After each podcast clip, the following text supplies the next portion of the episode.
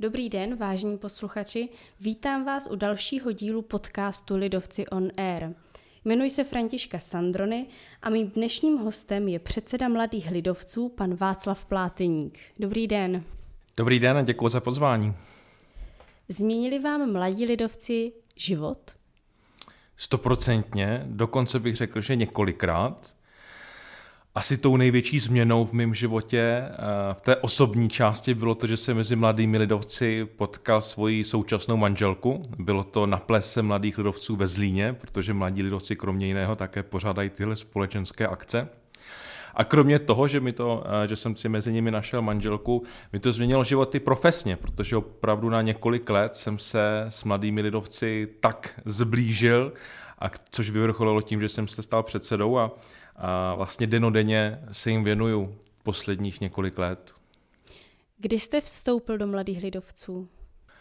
Vstoupil jsem v roce 2016. Bylo to na summer campu, eh, kam mě pozvali ještě jako nečlena, vlastně jako kamaráda několika členů. A právě po tom eh, summer campu, což je naše dodnes největší akce, kam přijede skoro 100 lidí a zhruba 20 lektorů, a je to taková zajímavá sportovně vzdělávací akce, tak pod vlivem toho, co jsem tam zažil a pod vlivem dalších substancí jsem se potom stal členem a podepsal jsem přihlášku a dneska už to teda bude 6 let. Uh-huh, A kdy jste se stal předsedou? Předsedou jsem byl zvolen v březnu 2019, takže dneska vlastně dojíždím druhý rok uh, mandátu, nebo uh, druhý mandát. Uh-huh. Zmínil jste uh, Summer Camp, jak to bude letos? Letos stejně jako loni to bude neobvyklé, protože z důvodu koronaviru nemůžeme dělat takhle velké akce a ani naši partneři nám to nedoporučují, protože Summer Camp je opravdu velikánská událost, kam se sejde víc jak 100 lidí přes celou republiku na skoro týden takže i z hlediska toho epidemického je to trošku náročné. Takže letos jsme zvolili variantu, že uděláme více menších akcí, zhruba eh, pro 30 lidí na několika místech v republice, ale nebudeme šetřit na tom programu, protože budeme zvát taky zajímavé hosty a zkusíme eh, hodně online eh, technologie zapojit, aby se mohly ty přednášky třeba přenášet. Mm-hmm. Loni jsme měli Summer Camp jenom online, čistě díky Zoomu, což bylo taky zajímavé, protože jsme měli opravdu významné hosty, jako Radek Špicár nebo Danuše Nerudová, ale nenahradí to ten osobní kontakt a o tom Camp hlavně je. Kolik mají mladí lidovci přibližně členů? Přibližně se dlouhodobě pohybujeme kolem 400 členů. Uh-huh. A to pak jedou všichni na Summer Camp? Určitě ne. Na Summer Camp se vejde kapacitně zhruba kolem stovky. Ne všichni jedou na celou dobu, proto se jich tam může víc vystřídat. Každopádně i jsme v minulých letech narazili na takovou komplikaci, že tam je řada lidí, co už byla vícekrát mm-hmm. a nedostane se na ty nové, tak už jsme zavedli takovou kvótu, aby ti členové, co vstoupili třeba ten rok nebo nedávno, se tam mohli přihlásit třeba dřív. Něco jako když se zapisujete na nějaký předmět v předstihu jako prvák, tak eh, něco podobného zkoušíme i my. Jak vypadá typický mladý lidovec? No jedna z věcí, co mě na mladých lidovcích hrozně baví, je ta obrovská různorodost, protože jak vypadá mladý lidovec se nedá říct. Uh, myslím si, že mezi námi je člověk z třineckých železáren, stejně tak jako obchodník s luxusními nemovitostmi v Praze. A ti dva si náramně rozumí a mají mnoho společného, právě protože to, co nás družuje, nejsou ty vnější věci nebo profese. Takže je to velmi různorodá skupina. Proč si myslíte, že jako společnost potřebujeme takové politické mládežnické organizace? Heslem mladých lidovců je děláme svět lepším. A my se domníváme, že svět může být lepší, když je lépe nebo dobře spravován. A aby mohl být dobře spravován, tak na to se ty, kdo to chtějí dělat, musí připravovat. To není něco, co, s čím by se člověk rodil. A právě takováhle politická mládežnická organizace dává spoustu příležitostí k tomu se tu dobrou zprávu a všechno, co k tomu patří, naučit. Osát si to, poznat to a potom, když přijde na tu skutečnou zprávu, když to naši členové a řada z nich už vykonává nějakou veřejnou funkci nebo mandát, tak to dělá významně líp a pro tu společnost je to potom dobré. Minimálně v tomhle ohledu bych pro eh, nebo za mladé mládežnické organizace vždycky plédoval. A co je přesně cílem mladých lidovců? Naším cílem je hlavně združovat ty lidi a vytvářet společenství těchto lidí, kteří navzájem mezi sebou můžou sdílet a podporovat se. To je hlavně to dovnitř. Naven se hodně snažíme podporovat takzvané občanské vzdělávání, to znamená všechno, co patří k tomu, aby člověk mohl být aktivním občanem. To znamená uh, různé přednášky, konference, veřejné akce. Dneska jsme opět omezeni uh, koronavirem, ale i tak děláme vlastně každý měsíc nějakou veřejnou aktivitu, která je zaměřená na všechny, uh, kdo mají zájem, uh, takzvané lidovecké kavárny. Mimo jiné jsem se dozvěděla, že jste i zakladatelem nebo spoluzakladatelem Volební akademie žen. Co vás k tomu jako muže vedlo?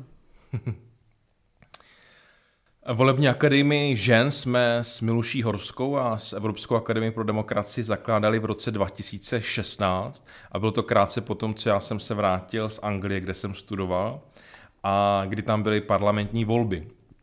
A tam jsem právě viděl, že byla řada kampaní a aktivit zaměřených vysloveně na podporu těch ženských kandidátek.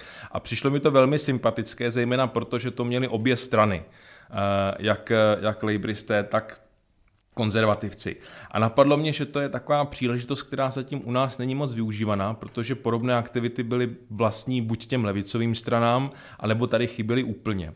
A tak jsem si řekl, že to je zajímavý prostor a oslovil jsem s ním právě moje přátelé v KDU a těm se to líbilo. A vytvořili jsme takový, takové kurikulum, co se nakonec osvědčilo a už plánujeme dneska šestý ročník. A stejná otázka, jak se může taková volební akademie e, žen provádět e, za koronaviru? Měli jsme štěstí, protože ten loňský ročník e, byl zrovna v takové té epidemické pauze, kdy řada těch opatření byla trošku mírnějších, takže nám hotel poskytl rezervaci a, a mohli jsme se scházet. Bylo to samozřejmě v rouškách, měli jsme víc rozestupů, snížili jsme počet účastnic na polovinu z toho, co obvykle míváme. Mě řešili jsme samozřejmě to, že dva lektoři na poslední chvíli lehli, takže jsme na velmi poslední chvíli schánili a vytvářeli náhradu, ale máme to štěstí, že ten šestý ročník proběhl a, a byl stejně kvalitní jako ty ostatní, by to bylo pro méně účastnic. No. Pro koho je určena volební akademie žen?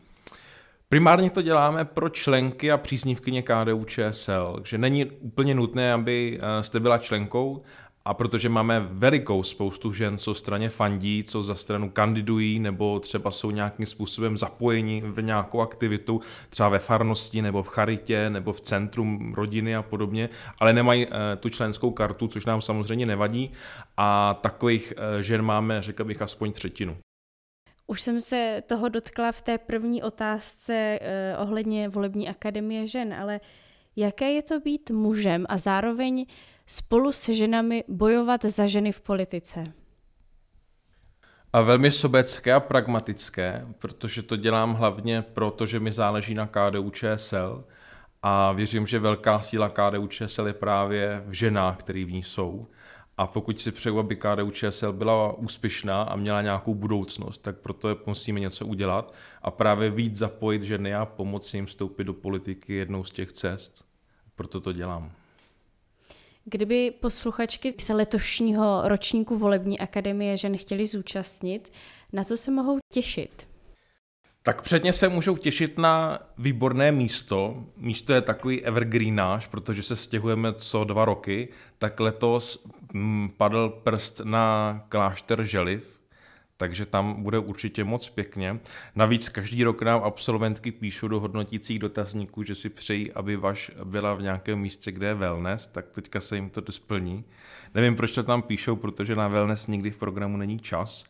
A tím se dostávám k tomu programu, který je každý rok velmi podobný, ale snažíme se vždycky napravovat to, co se naučíme.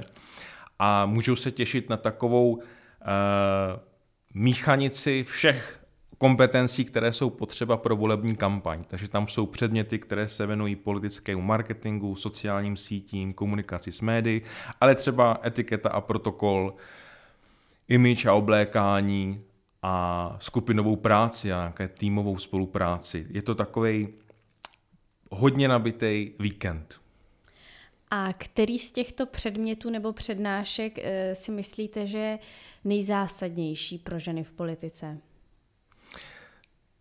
Ten program je koncipován tak, aby na sebe navazoval a nějakým způsobem dával smysl dohromady, protože každá ta přednáška, jedno jestli to je komunikace na sociálních sítích nebo komunikace s médií, sama o sobě je samozřejmě jako důležitá, ale právě, že to ty absolventky vidí během toho víkendu všechno dohromady a jak to na sebe navazuje. Mm-hmm. A mhm. taky zároveň během těch tři, třech dnů pracují na skupinové práci od první od pátku do neděle, což je zadání nějaké skutečné kampaně a můžou tam právě aplikovat všechno, co se v těch přednáškách naučí, tak to dává velký smysl eh, dohromady. Ale můžu říct, jaké předměty jsou nejoblíbenější, protože eh, každý rok se ptáme v hodnotících dotaznicích na to. A z pravidla nejoblíbenější předměty jsou dva až tři. Ten první je asi ženy a leadership nebo ženský leadership, což nám zajišťuje paní Linda Štusbartová, což je paní, která má obrovské zkušenosti jak ze veřejné, tak soukromé sféry. Druhým nejoblíbenějším by asi byla image političek, což nám zajišťuje modní návrhářka, stylistka Viola Fetisová, a, což není to o tom, jak by se mohlo stát, jenom jestli si a, brát puntíky k proužkům, to je poměrně marginália, navíc si to každý může přečíst, a spíše ten předmět založený na tom, co tím oblečením říkáme o sobě, tomu okolí, což v politice hraje velikou roli a je to vždycky velmi populární. A z těch takových hodně politických je tam hodně oblíbený předmět komunikace na sociálních sítích, nebo političky a sociální sítě se to jmenuje, což pro nás zajišťuje Eh, ředitel Institutu politického marketingu Karel Komínek, už taky vlastně pět let. A vzhledem k tomu, že ty eh, zkušenosti z Facebooku má nějaké každý, ale každý různé, tak je to vždycky veliká legrace, když se ta, ty zkušenosti porovnávají. Dozvěděla jsem se, že jste získal několik ocenění a také to, že se týkala právě té volební akademie žen. Co to byla za ocenění? No, volební akademie žen se týká ocenění z roku 2017, myslím, a je to třetí místo v české ceně za public relations, což je nejvyšší a možná popravdě jediná oborová cena v oboru PR v Čechách. A dostali jsme ji za naší kampaň interní a externí komunikace, když jsme uváděli tu volební akademii žen, protože to samozřejmě bylo něco nového, Eh, vyžadovalo to součinnost tady předsednictva a dalších jako orgánů. A ne všichni od začátku tomu byli bezpodmínečně nakloněni.